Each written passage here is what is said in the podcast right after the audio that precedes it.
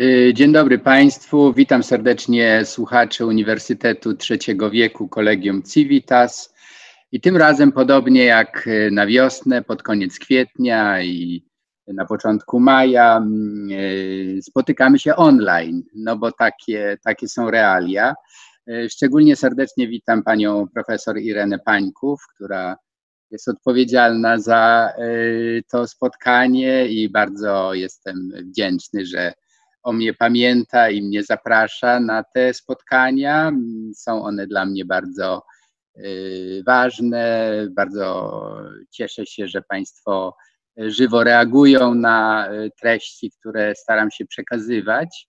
I tak jak y, już tradycja nam tych spotkań podpowiada, mniej więcej 45 minut to jest taki czas, który Państwo y, dobrze znosicie i zostawimy sobie na koniec 15 y, minut na pytania. Ja mam taki y, podgląd tutaj, dzięki Wszechnicy jesteśmy tutaj bardzo zaawansowani technologicznie, więc będę wpatrywał się w Państwa pytania.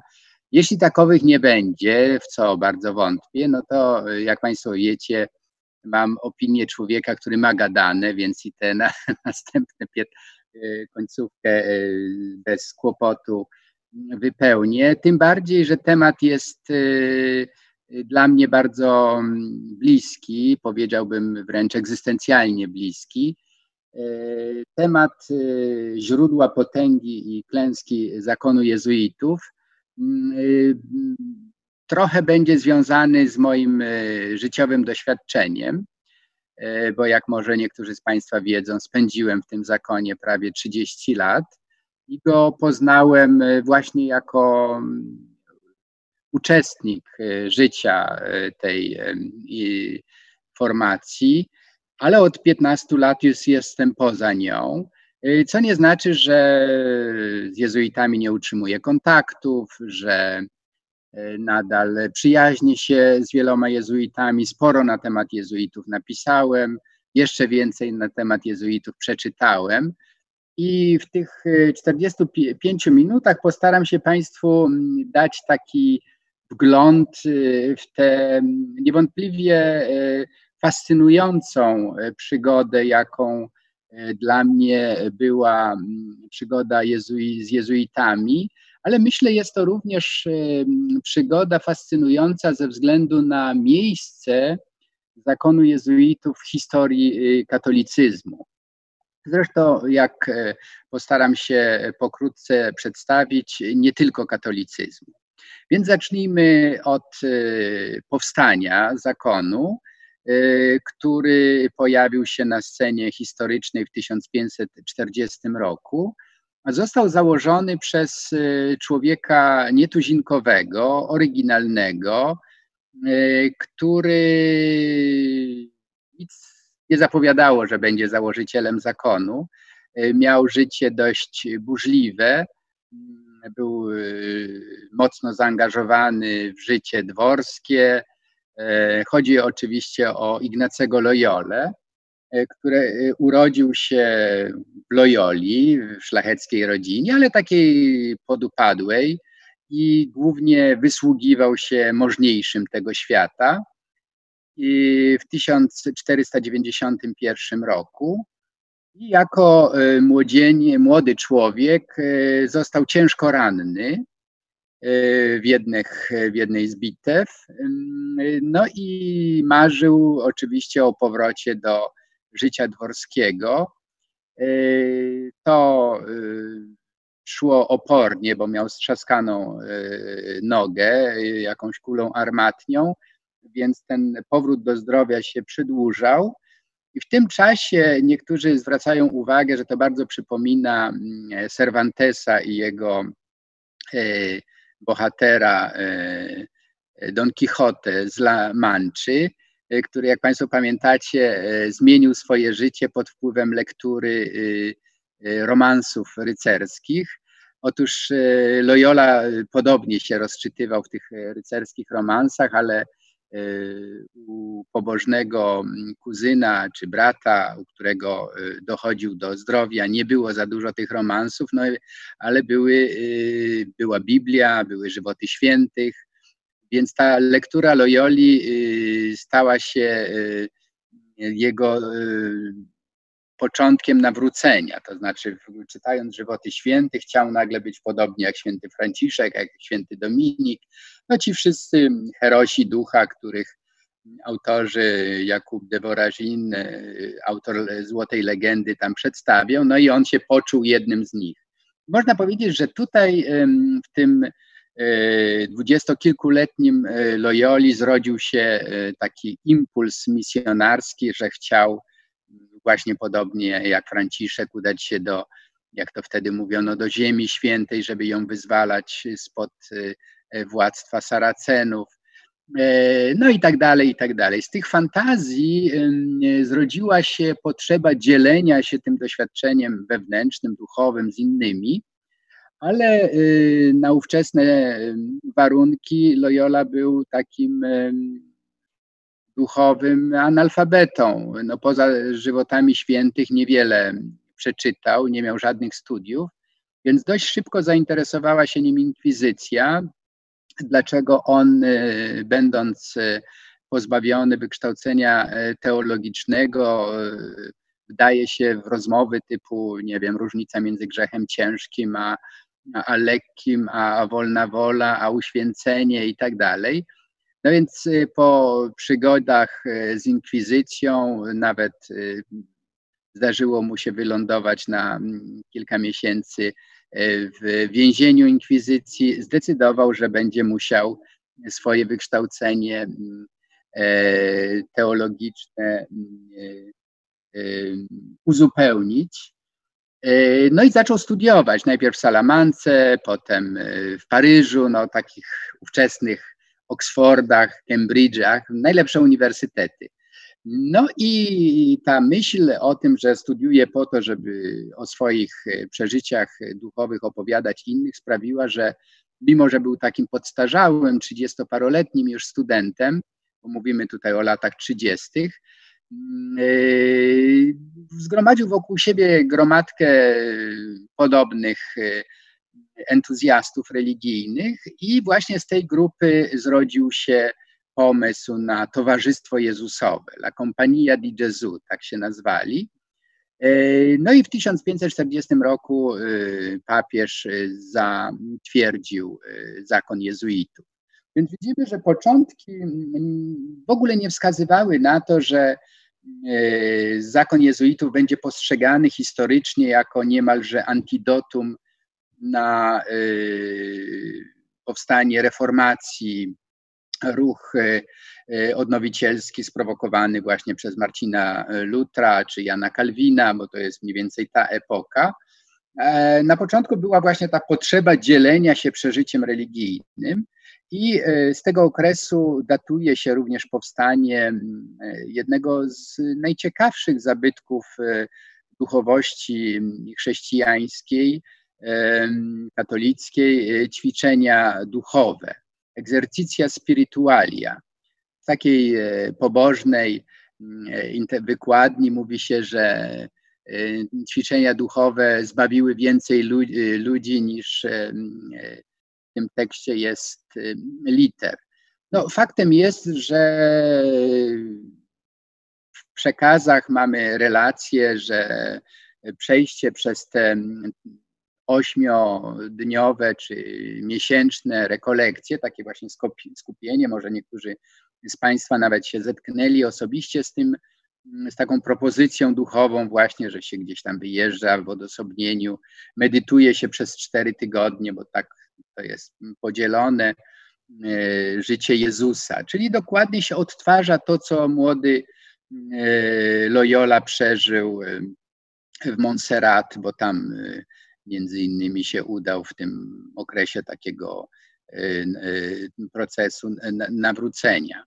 No, y, rzecz ujmując krótko, papieże odkryli, że w tych entuzjastach duchowych skrywa się jakiś potencjał na odnowę katolicyzmu Nieprzypadkowo członkowie tego świeżo powstałego zakonu znaleźli się na jednym z najważniejszych wydarzeń ówczesnego katolicyzmu, czyli Soboru Trydenckiego.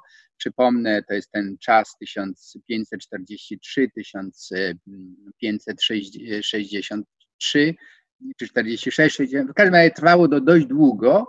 No i jezuici tam odegrali ważną rolę, między innymi proponując y, bardzo y, radykalną odnowę ówczesnego katolicyzmu, który był taki mm, sformalizowany, no wiadomo, y, na czym główne zarzuty polegały reformatorów, że katolicy no, wręcz magicznie wierzyli. Te odpusty, o których wiemy, no, że tam pieniążek wpada do skarbony, dusza z czyśćca idzie do raju i tak dalej. Więc to wszystko jezuici się znakomicie wpisali i zaproponowali taki model e, katolicyzmu pogłębionego opartego właśnie, tak jak i w protestantyzmie zresztą, na e, znajomości Pisma Świętego, na solidnym wykształceniu teologicznym.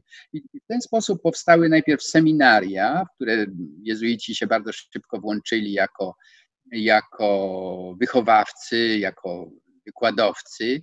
E, stworzyli sieć kolegiów, dzisiaj byśmy powiedzieli takich koledżów, właśnie jak kolegium Civitas mniej więcej, czyli taką, taki system e, szkolenia, wykształcenia, edukacji. E, no, mamy na Uniwersytecie Warszawskim na przykład e, Artes Liberales, tak? czyli to jest właśnie nawiązanie do tego modelu jezuickiego, który zaadoptował model uniwersytecki, Uniwersytetu Humanistycznego, którym y, adepci otrzymywali solidne wykształcenie właśnie humanistyczne, y, retoryczne, filozoficzne, a teologia była zwieńczeniem, była na końcu, więc nie było tak, że jak często bywało wcześniej proboszczowie y, czy różni plebani nauczyli się czytać na mszale i poza mszał ich edukacja nie wychodziła. To właśnie reformatorzy wyśmiewali, jak u nas chociażby e, e, Mikołaj Rej i inni, prawda? Więc tutaj widzimy, że jezuici rzeczywiście wstrzelili się, byśmy powiedzieli, w zapotrzebowanie społeczne i dość szybko zostali sprowadzeni do Polski w 1564 roku. E, przypomnijmy może, że Polska, e, Rzeczpospolita Dwojga Narodów e, w XV-XVI wieku była bardzo otwarta na, jak to się mówiło wtedy, nowinki religijne.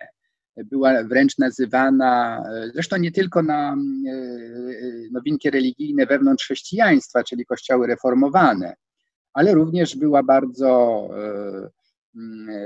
przyjazna wyznawcom innych religii. No, przypomnijmy, dzięki wielkiemu księciowi litewskiemu Witoldowi e, w Polsce, e, w Rzeczpospolitej dwojga narodów, więc najpierw na Litwie, a potem i w Polsce, osiedli się Tatarzy, czyli muzułmanie, którzy od XV wieku są częścią polskiego pejzażu religijnego. Tutaj dość szybko e, znaleźli e, miejsce, co można e, znakomicie poznać w Muzeum Polin, Żydzi. Nieprzypadkowo w ówczesnej Polsce mówiło się, że Polska jest refugium hereticorum, czyli takim schronieniem dla heretyków i paradisum judeorum, rajem dla Żydów. No, miało to Oczywiście trzeba uwzględnić, na czym ten raj i to, to schronienie e, polegało, ale jeśli porównamy to, co się działo w Hiszpanii, Francji, Niemczech, w Anglii, e, dzisiaj synonimy krajów e, tolerancyjnych i otwartych, a wtedy znaczona historia Żydów była wypędzeniami, pogromami i tak dalej. No i w Polsce rzeczywiście e, ta sytuacja wyglądała zupełnie inaczej. No więc z punktu widzenia ówczesnego katolicyzmu trydenckiego, nawet jeśli nam się to dzisiaj bardzo podoba, że Polska była taka tolerancyjna, jak profesor Tazbir lubił powtarzać, była krajem bez stosów, to jednak katolicyzm ówczesny wcale się z tego powodu nie cieszył, wręcz przeciwnie. Dla wielu biskupów, zwłaszcza takich bardziej gorliwie nastawionych, dzisiaj byśmy powiedzieli takich fundamentalistów religijnych, jak Stanisław Hozjusz, no to była e, trochę taka zadra wokół. E, no i szukali e, jakichś remediów, jakichś sposobów, żeby tę sytuację zmienić, to znaczy, żeby Polskę zrobić porządnym krajem katolickim. I to się nie udawało. Zwłaszcza na Litwie E, wyznania protestanckie, zwłaszcza kalwinizm, e, bardzo e, szybko się rozrósł, spadł na podatny grunt dzięki rodzinie potężnej Radziwiłłów. No blisko tego Królestwa Dwojga Narodów powstało pierwsze państwo protesty luterańskie na Prusach Wschodnich. Pamiętamy to przejście zakonu krzyżackiego wielkiego księcia Hohenzollerna, który stał się pierwszym władcą już w 1525 roku, więc rzeczywiście gdzie indziej ta reformacja dopiero pączkowała, a w Polsce już w sąsiedztwie polskim, no przecież Prusy były lennem Polski, mamy państwo luterańskie. Mamy potężny uniwersytet w królestwu, w królewcu, który y, promieniuje na, na, na Polskę, więc rzeczywiście wydawało się, że Polska stanie się krajem y, po prostu protestanckim, tak jak kraje skandynawskie, jak Anglia, jak duża część Europy.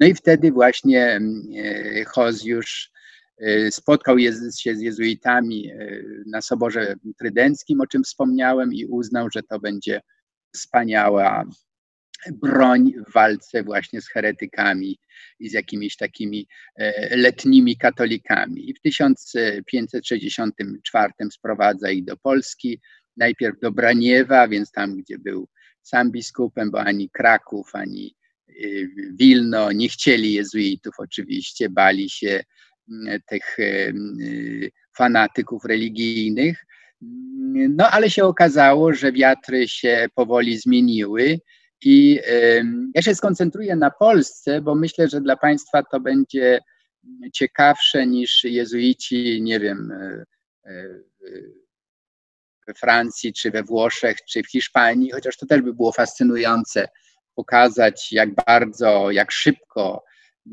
te kolegia powstawały jak grzyby, grzyby po deszczu, takim ciepłym deszczu, sprzyjającym, bo tym sprzyjającym deszczem to była oczywiście wola, e, wola króla, księcia, który fundował kolegia, fundował piękne kościoły jezuitom i tak dalej, więc to nie było tak, że siłą e, perswazji, wspaniałego języka jezuici zdobywali e, duszę, tylko za tym szło poparcie, poparcie finansowe, polityczne, często też zbrojne. No i tutaj dotykamy delikatnego e, problemu, bo zatytułowałem e, moją dzisiejszą pogadankę Źródła potęgi i klęski jezuitów. Więc źródłem potęgi jezuitów właśnie u początków, czyli w XVI, XVII wieku, to była łaskawość e, i dobra wola e, e, tego władzy politycznej, no i oczywiście poparcie papiestwa, biskupów. Wtedy ta, to rozdzielenie między władzą polityczną a kościelną wcale nie było takie wyraźne i zwykle te dwa ośrodki się znakomicie uzupełniały. I wtedy jezuici po prostu rośli w siłę. E, I e, te początki były może skromne, czyli od połowy lat 60., ale dość szybko już e, następny król, który sprzyjał jezuitom, to był Stefan Batory, Stefan Batory między innymi stworzył Akademię Wileńską. Stefan Batory popierał bardzo jezuitów, dlatego że mu pomagali po prostu w jego ekspansji na wschód. Wtedy właśnie powstawały kolegia tam aż po Dynebur, dzisiejszą Y, no, Litwa, Łotwa, tam były te kolegia, które zakładał właśnie Stefan Batory, a jego prawą ręką w tej polityce ekspansji był y, Piotr Skarga. O Piotrze Skardze można y, długo oczywiście mówić, ale można powiedzieć, że był podobnie jak Hozjusz takim nawróconym erazmiańczykiem. To znaczy w młodości był człowiekiem pełnym tolerancji, właśnie by, by jakby zanurzony całkowicie w tej filozofii mm, Erasma z Rotterdamu, ale to był taki duch czasu, y, właśnie pod wpływem Soboru Trydenckiego y, i takiej dobrej y, jakby reputacji, sławy jezuitów jako tych gorliwych apostołów Kościoła katolickiego oddanych y, papiestwu. Jako 30-parolatek wstąpił do zakonu jezuitów, podobnie jak Jakub Wujek, który znany jest z tego, że przetłumaczył Biblię mm, y, na język polski z języków oryginalnych. Y, więc to pierwsze pokolenie jezuitów w Polsce było niezwykle mm, dynamiczne, świetnie wykształceni. Jan Błoński o nich pisał w takiej swojej książce o Sępie Sarzyńskim i początkach e, baroku w Polsce i z ogromnym uznaniem e, się wypowiadał właśnie, że to było to najlepiej, najbardziej wykształcone pokolenie jezuitów. I rzeczywiście do dzisiaj e, kazania, skargi, jego żywoty świętych, no, tłumaczenie Biblii wujka możemy czytać z pełnym zrozumieniem. To już jest polszczyzna no, idąca mniej więcej na tym samym poziomie jak polszczyzna Jana Kochanowskiego czy Mikołaja Reja. No, fantastyczne po prostu. To są początki polskiej literatury, były tworzone wokół kościoła oczywiście. Y, no więc y, ten wpływ zaczął się coraz większy. No i największe zasługi w cudzysłowie, bo dzisiaj patrzymy na tę ekspansję katolicyzmu e, jednak e, trochę inaczej. Widzimy to przez pryzmat ekumenizmu, więc te e, Filipki, ta, ta retoryka antyreformacyjna, no dziś, dla dzisiejszego ucha brzmi wręcz y, obraźliwie, y, agresywnie, arogancko, no ale taki był duch czasu i tak tworzyli właśnie ci najwięksi jezuici w tym duchu. Mm, ale źródłem ich, przepraszam, największej potęgi był Zygmunt III mm, August, Zygmunt III Waza, którego mamy przy Zamku Królewskim na, na tej kolumnie zygmuntowskiej, on był nawet nazywany y, królem y, jezuitów. I to było długie panowanie. On został królem y, jako młodziutki książę szwedzki w 1588 roku i panował aż do 1632. Więc proszę sobie uzmysłowić, że to mamy do czynienia z dwoma pokoleniami. I znowu y, ta ekspansja i rozkwit jezuitów jest bardzo dwuznaczny, bo mm, e, był y, oparty o władzę królewską, tak? O, o, o, dzisiaj byśmy powiedzieli o fundusze królewskie, o granty królewskie, o mm, możliwości ekspansji również y, w sensie e, szkół, ale też pras drukarskich, mieli przywileje, żeby właśnie dzięki e, różnym dworom magnackim e, drukować swoje pisma w ogromnych na ówczesne warunki nakładach. No i jednocześnie w tym samym czasie były niszczone, zamykane drukarnie, jak to się mówiło, innowiercze. Przywileje królewskie były rozdawane głównie katolikom, E, no, można tutaj się zastanawiać nad pewnymi analogiami. E, sytuacji dominującego wyznania od 1989 roku do dzisiaj, jak szybko mm, łaska pańska, czyli właśnie polityczne wsparcie, sprawia, że różne inicjatywy, szkoły, media dzisiaj, e, dzienniki, tygodniki, stacje telewizyjne, jak kwitną właśnie dzięki wsparciu politycznemu. No tak było również wtedy. E, I e, to sprawiło, że jezuici tak mocno w historię polską weszli. No, na moment może zróbmy szerszy mm, oddech i zobaczmy, co się działo z jezuitami e, w Azji i w Ameryce Południowej. E, otóż dokładnie w tym samym czasie, kiedy jezuici tak e, głęboko wpisali się w retorykę kontreformacyjną, czyli właśnie zwalczającą inne wyznania,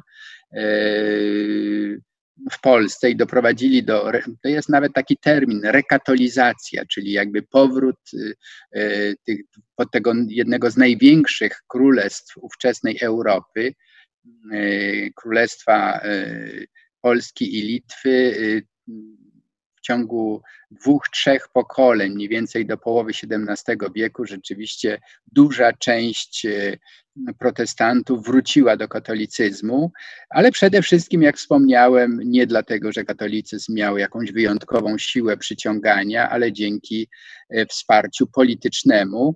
I takim e, najgłębszym momentem zapaści e, z punktu widzenia kościołów reformowanych to był rok 1658 czyli jesteśmy już 100 lat później i widzimy, jak bardzo się ta e, Rzeczpospolita Dwojga, czy wielu narodów, nawet jak niektórzy mówią, zmieniła, że z kraju tolerancyjnego, z kraju zapraszającego innych do siebie, stał się krajem, który dyskryminował i wyrzucał e, z kraju ludzi nie będących katolikami. Mam tu na myśli oczywiście wypędzenie w majestacie prawa zresztą E, braci polskich, tak zwanych Arian. E, oni właśnie, mimo że ich udział to było małe wyznanie, mała grupa, ale bardzo radykalna, niezwykła wręcz, o Rakowie, ich e, Akademii Rakowskiej mówiły się, mówiło się na ówczesnej Europie, że to był taki takie Ateny sarmackie. Oni, oni przyciągali z całej Europy ludzi, E, najwybitniejsze intelekty, który, którzy uczyli się języka polskiego. Zresztą chyba z jednej, w, z, w jednym z naszych wykładów już o nich mówiłem, więc tylko sygnalizuję, że to właśnie jezuici w dużej mierze byli odpowiedzialni za wyrzucenie braci polskich e, z kraju. E, no i zaczęła się po prostu nietolerancja, tak? Wykluczanie, ekskluzywizm, prześladowanie, i tak dalej. To była jedna ta negatywna strona, a druga to było właśnie przyciąganie bardzo konkretnymi profitami, stanowiskami, e, udziałami w, w, różnych e, królewskich czy magnackich e, urzędach, co dla wielu ludzi było wystarczającym argumentem, żeby nawrócić się na, na katolicyzm.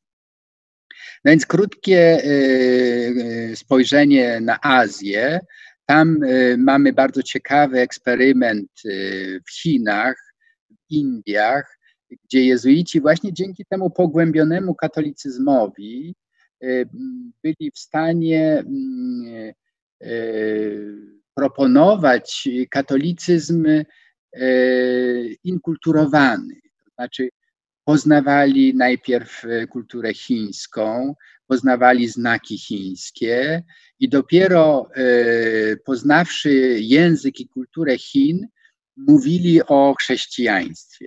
Takim przykładem jest to, że mówili nie o Bogu, Stwórcy, Bogu Biblii hebrajskiej, tylko mówili o Bogu Pan Nieba. Tak? Pan Nieba, czyli właśnie to, co było też u Konfucjusza, taka bardzo e, zarysowana delikatnie e, teodycea. E, no i e, Matteo Ricci to jest taki znak e, rozpoznawczy właśnie tej obecności jezuitów w Chinach był bardzo serdecznie i z szacunkiem przyjmowany przez cesarza, właśnie dzięki temu, że po prostu znał chiński, tak? No nie mogli po łacinie rozmawiać, tylko właśnie po chińsku.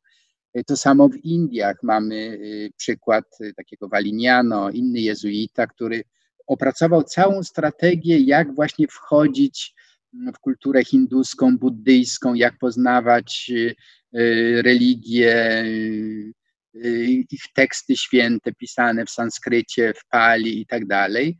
No i tam trwało to rzeczywiście prawie 100 lat, ten eksperyment bardzo interesujący, do którego wróciliśmy dopiero w wieku XX. Mm, ale niestety dość szybko pojawiały się oskarżenia e, pod adresem e, jezuitów ze strony, e, to gdy mówiliśmy o buddyzmie, zdaje się, pojawił się ten moment, gdy właśnie Franciszkanie i Dominikanie mówili, że jezuici są heretykami, są synkretystami religijnymi, bo mieszają religię z konfucjanizmem i tak dalej, i tak dalej. No i teraz dochodzimy do źródeł klęski jezuitów, bo ja do tej pory mówiłem o źródłach potęgi, a teraz parę słów o źródłach klęski. Y, czasem tak bywa, że jeżeli człowiek odniesie zbyt wielki sukces, to ten sukces y, staje się matką czy ojcem klęski. Dlaczego tak się stało?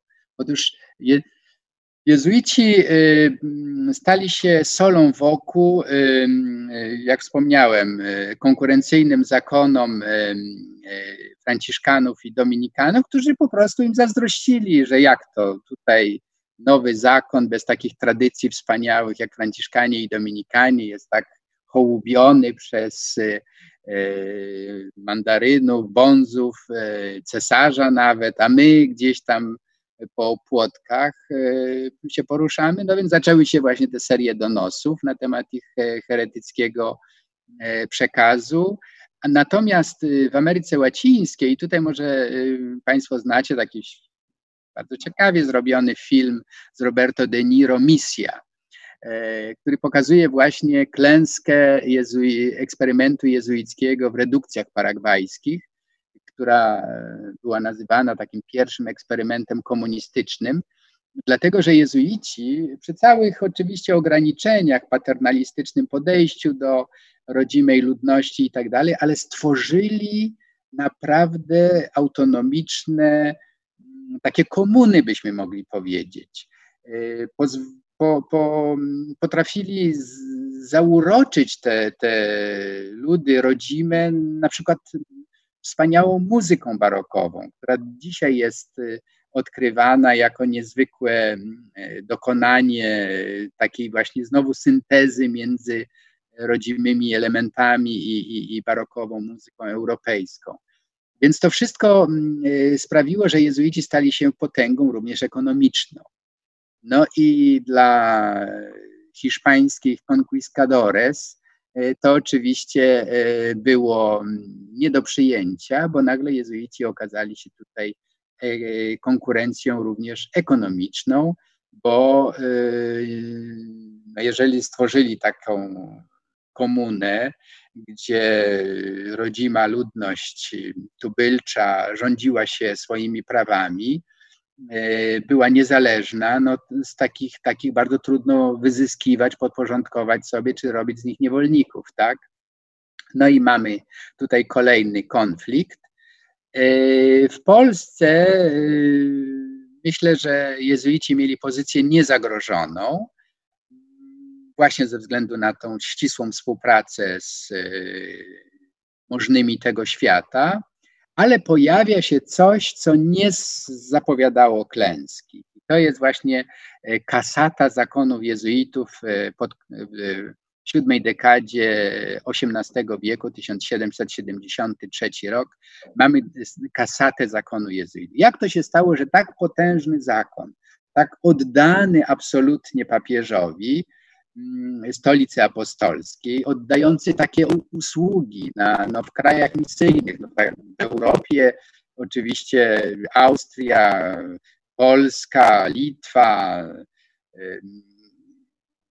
no, Włochy, no były w dużej mierze, nawet y, y, Roland Barthes kiedyś powiedział, że, że jezuici nauczyli, nauczyli Francuzów pięknego pisania i czytania, więc, więc ten wpływ był naprawdę przemożny. No i co się stało, że zostali zlikwidowani?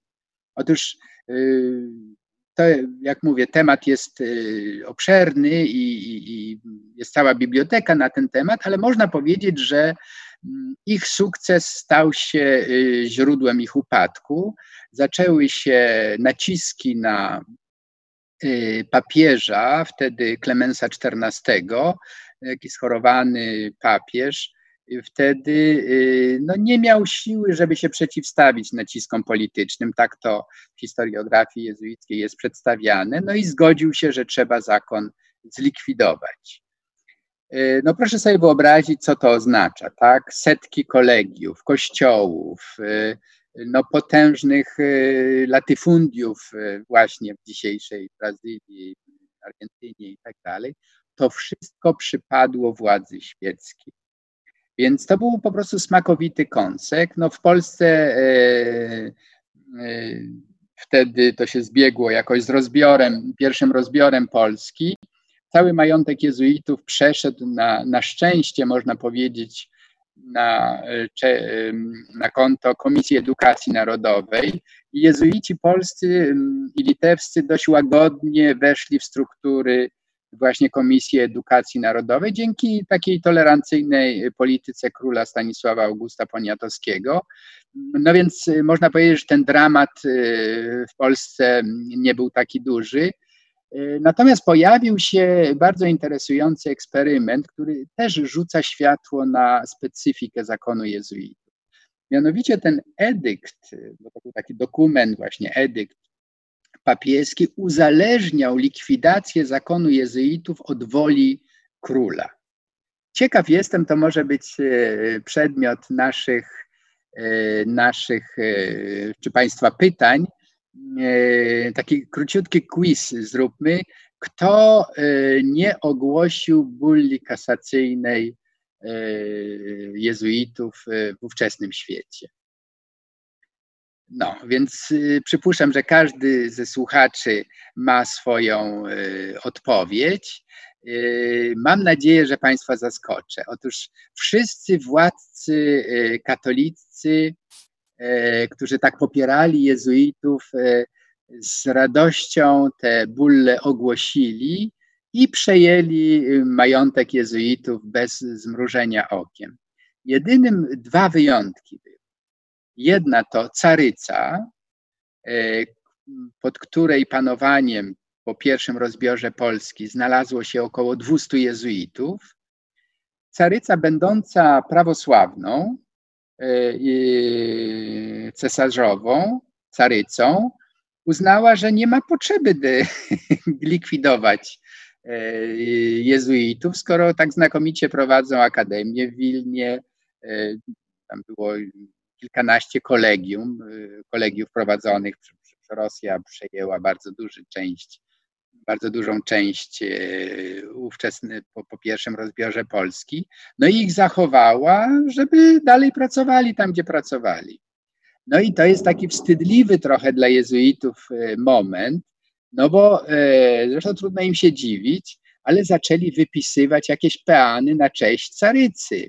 Tak? Tutaj Polska płacze, że tracimy niepodległość, rozpaczają Polacy, a jezuici chwalą carycę, że ich uratowała. E, co więcej, e, powstało mm,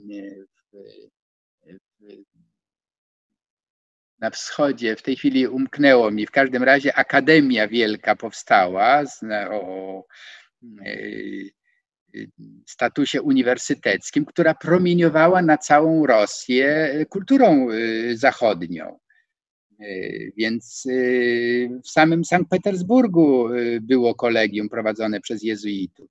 Więc tutaj mamy do czynienia z takim paradoksem, że oto jezuici, tak jak się wpisali znakomicie w dwory chińskich czy hinduskich władców, tak samo znakomicie weszli w dwór carycy prawosławnej.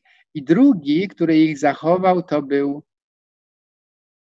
to był yy, yy, Fryderyk Wielki. Wielki Fryderyk, który również yy, znaczną część Polski w pierwszym zaborze przejął, uznał, że przydadzą mu się tacy dobrze wykształceni, darmowi edukatorzy, wychowawcy. Dlaczego ma ich likwidować? Niektórzy mówią, że i caryca Katarzyna, i Fryderyk e, Wielki chcieli zrobić na, na złość papieżowi, dlatego jezuitów zachowali. W każdym razie e, widzicie Państwo, że ten tytuł e, nie był tak sformułowany tylko dziennikarsko i chwytliwie, ale rzeczywiście mamy do czynienia z, z wielkim wzrostem i upadkiem zakonu jezuitów. Yy, no widzę, że mój czas powoli dobiega końca, więc w takim telegraficznym skrócie yy, dobiegnę do dzisiaj. Otóż dzięki temu, że caryca ich przechowała u siebie właśnie w, w Rosji, jezuici przetrwali właśnie w takiej, można powiedzieć, kadłubowej formie i zmieniły się czasy. Papieże zaczęli odczuwać brak tak oddanego, dynamicznego zakonu i ich reaktywowali. 40 lat później, w 1814 roku, jezuici, no jak w historiografii takiej czy hagiografii zakonnej się mówi o zmartwychwstaniu zakonu, tak? No i rzeczywiście było to w dużej mierze e, możliwe dzięki jezuitom białoruskim, jak to się mówiło, czyli właśnie w tym, no na dzisiejszej Białorusi oni głównie zostali przechowani. E, I w momencie, kiedy papiestwo na nowo przywróciło ich do istnienia, no to wtedy zmieniły się rządy w Rosji. Car Aleksander e, z różnych powodów uznał, że już jezuitów nie potrzeba i ich wyrzucił w 1820-21 roku z Rosji. I właśnie ci wyrzuceni jezuici z Rosji, z Białorusi zasilili kadry w Rzymie, w Stanach Zjednoczonych, w Ameryce. Bardzo dużo, taki ojciec Felix Dzierożyński tak trudne nazwisko, że go Amerykanie nazywali Father Zero, e, był e, jednym z współtwórców, ojców założycieli uniwersytetów jezuickich, których dzisiaj jest w Stanach prawie 30. Fordham, Georgetown to są te najważniejsze placówki uniwersyteckie jezuitów, które powstały w dużej mierze dzięki tym kadrom jezuitów, które się przechowały pod skrzydłami carów rosyjskich, zwłaszcza carycy. E, no cóż jeszcze, proszę Państwa, zakończyłbym tym, że rola jezuitów e, na przykład na następnym soborze watykańskim I była bardzo z dzisiejszego punktu widzenia dwuznaczna. Oni byli zwolennikami tego e, fatalnego, niefortunnego dogmatu o nieumylności papieskiej. Znaczy stali się bardziej papiescy niż papież. Już tak chcieli pomagać papieżowi, że mm, no, doprowadzili do pewnej karykatury. No, dzisiaj wiemy, że y, omylność papieży to, to jest y, wręcz reguła, a nie, a nie wyjątek, więc dogmat o nieumylności papieskiej w dzisiejszym kontekście brzmi trochę jak ironia. Natomiast w pewnym sensie odkupili te swoje grzechy dworskości na Soborze Watykańskim II bo y, rzeczywiście y, jezuici, tacy jak y, Karl Rahner, Henri de Libac, Jean Danielu, to wymieniam takich naj, najważniejszych, byli u, u źródeł odnowy soborowej, no razem oczywiście z innymi, bo nie tylko jezuici, i dominikanie, i księża, i świeccy współtworzyli ten sobór, ale faktem jest, że jezuici się wtedy włączyli w tę odnowę, no i do dzisiaj można powiedzieć, że są awangardą y, katolicyzmu. Niestety nie w Polsce, muszę to ze smutkiem stwierdzić. Natomiast w Stanach Zjednoczonych, w Azji, w Ameryce Południowej rzeczywiście są w awangardzie. Wielu z nich było, jest do dzisiaj teologami wyzwolenia, bardzo intensywnie angażują się w dialog e, międzyreligijny, ekumeniczny, w naukę społeczną Kościoła. No i e, to być może kiedyś się jeszcze spotkamy, to można by zrobić całą, cały wykład na temat pierwszego i miejmy nadzieję nie ostatniego papieża jezuitę, czyli papieża Franciszka, na ile jego bycie jezuitą e, wpływa na jego e, pontyfikat, na jego sposób e, bycia papieżem. Dobrze, więc tutaj może przerwę. Jestem otwarty na Państwa pytania. Może się pierwsze, pierwsze pojawią. Widzę tutaj czy y, pani profesor y, pyta Lidia Pańków, czy się tłumaczy tak duża różnorodność zakonów w Kościele katolickim?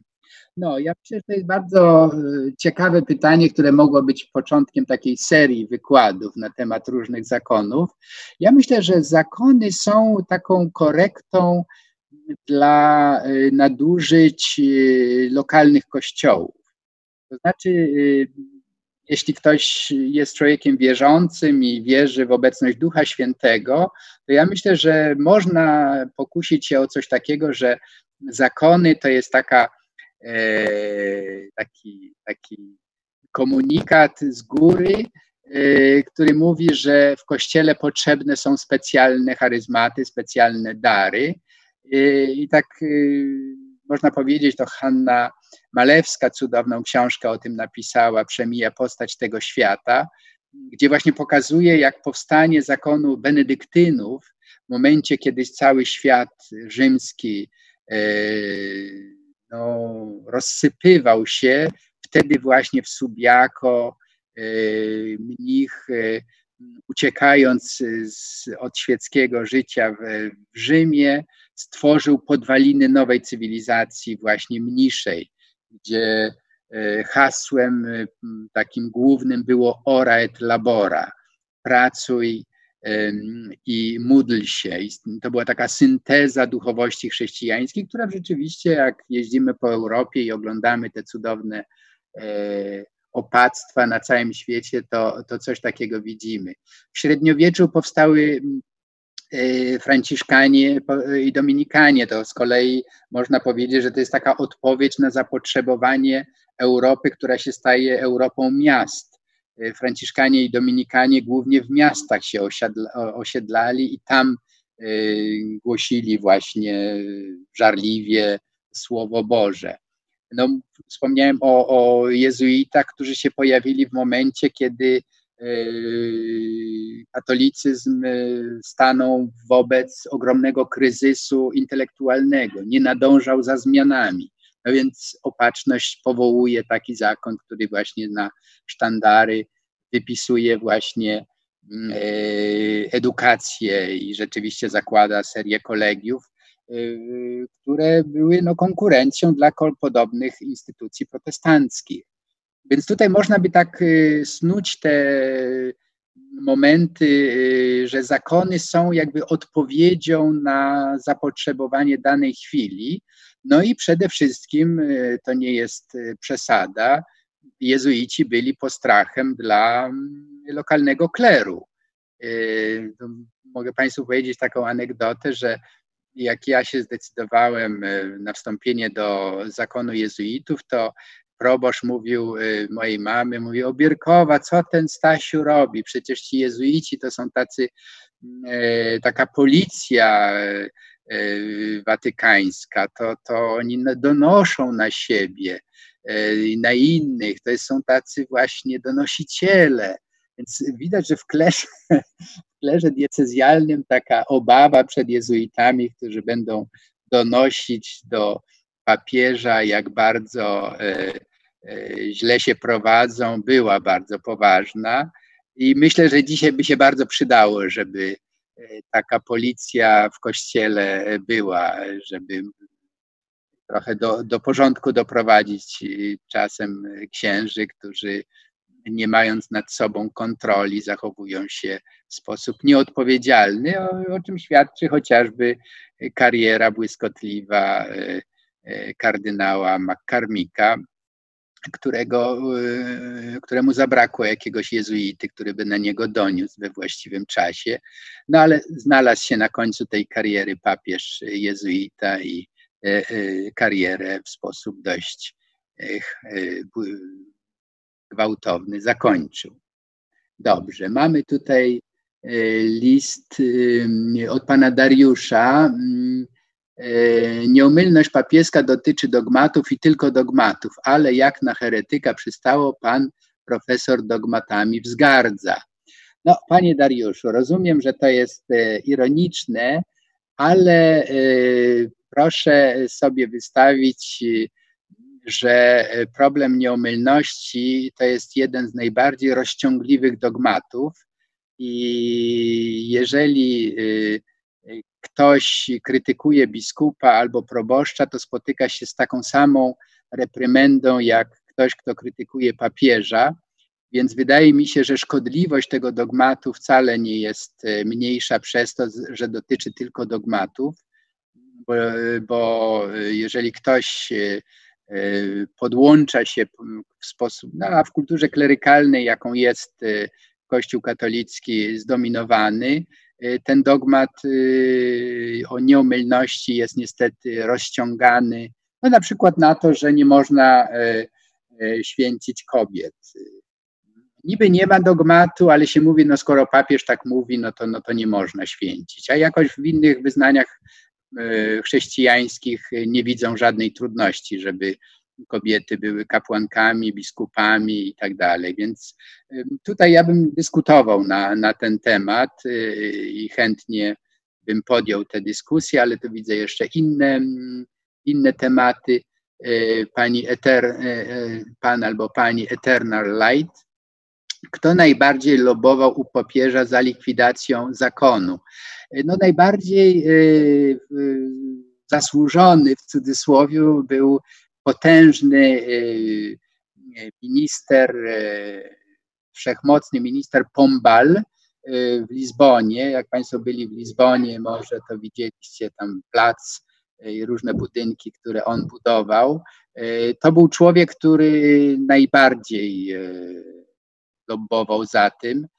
No a przy okazji był wpływowy, y, więc y, dynastie właśnie y, hiszpańsko-portugalsko-francuskie wspólnie Borboni zdecydowali, że jezuitów trzeba zlikwidować. Dobrze, co tu mamy jeszcze?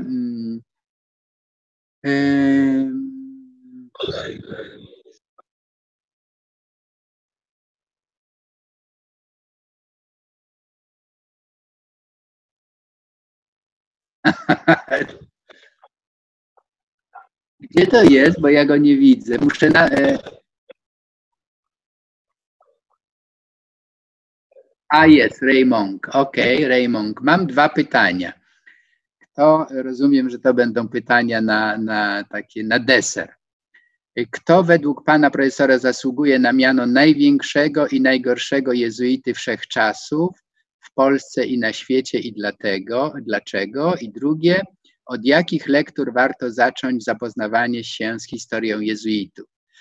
Więc taki ranking y, jest y, dość wątpliwy. Ja rozumiem, że to wyrasta trochę z tej kultury y, celebryckiej, że no, kto jest największym, kto ma najwięcej kliknięć. No ale dobrze, spróbuję wskazać na największego. Ja bym jednak się bym powiedział, że naj, największym jezuitą chyba jednak y, y, i najbardziej taką znaczącą postacią był Franciszek Savery. Franciszek Savery, który był najbliższym współpracownikiem Ignacego Loyoli, ale jednocześnie był człowiekiem misyjnym. On właśnie otworzył te misje w Indiach, w Japonii, zmarł tęskniąc, żeby się dostać na, do Chin. I można powiedzieć, że on rozpoczął ten eksperyment, który się tu któremuś czy której słuchaczce podobał, synkretyzmu religijnego. On był takim najbardziej, ja bym powiedział, jezuitą w duchu Ignacego, tak? Czyli pozyskać świat dla, cały świat dla Jezusa. Więc ja bym powiedział, że on był naj, największym jezuitą. Natomiast najgorszy, ja bym powiedział, że ci pochlebcy, właśnie dworscy wokół e, Piusa IX, to byli najgorsi jezuici, bo oni e, sprawili, że katolicyzm stał się synonimem wyznania antynaukowego zamkniętego na nowoczesność. Tutaj ta rola jezuitów, i to do dzisiaj jezuici się tego wstydzą, że maczali w tym palce, że się przyczynili do tej, do tej e, orientacji e, katolicyzmu właśnie jak najgorszej, takiej, takiego, z takiej sekciarskiej grupy niechętnej, e, homofobicznej wręcz, bardzo antysemickiej. To, to jest chyba najciemniejsza karta w historii zakonu. Więc nie wymieniałbym tu żadnego, żeby sławy nie, mu nie przyczyniać, ale bym powiedział, że to było to pokolenie tych e, z tą traumą. No, nie chcę nazwisk, nazwisk wymieniać, ale myślę, że to w polityce jest tak, że jak ktoś e, doświadczył na przykład związków z władzą, która dzisiaj jest uważana za bardzo niedobrą, to chce mm, dzisiejszej władzy tak się przypodobać, że robi najgorsze rzeczy i jest przez tą władzę wykorzystywane do robienia najgorszych rzeczy. Więc trochę ten syndrom takiego jezuity, który doświadczył tego, że może być zlikwidowany, rozwiązany, wtedy się pojawiał, ale myślę, że ten, te traumy jezuici przepracowali i dzisiaj papież ma z nimi kłopoty, co widać zresztą było po Janie Pawle II, który nie znosił jezuitów, e, oddalał ich od siebie, bo się nie wpisywali właśnie w tę dworską jakby logikę.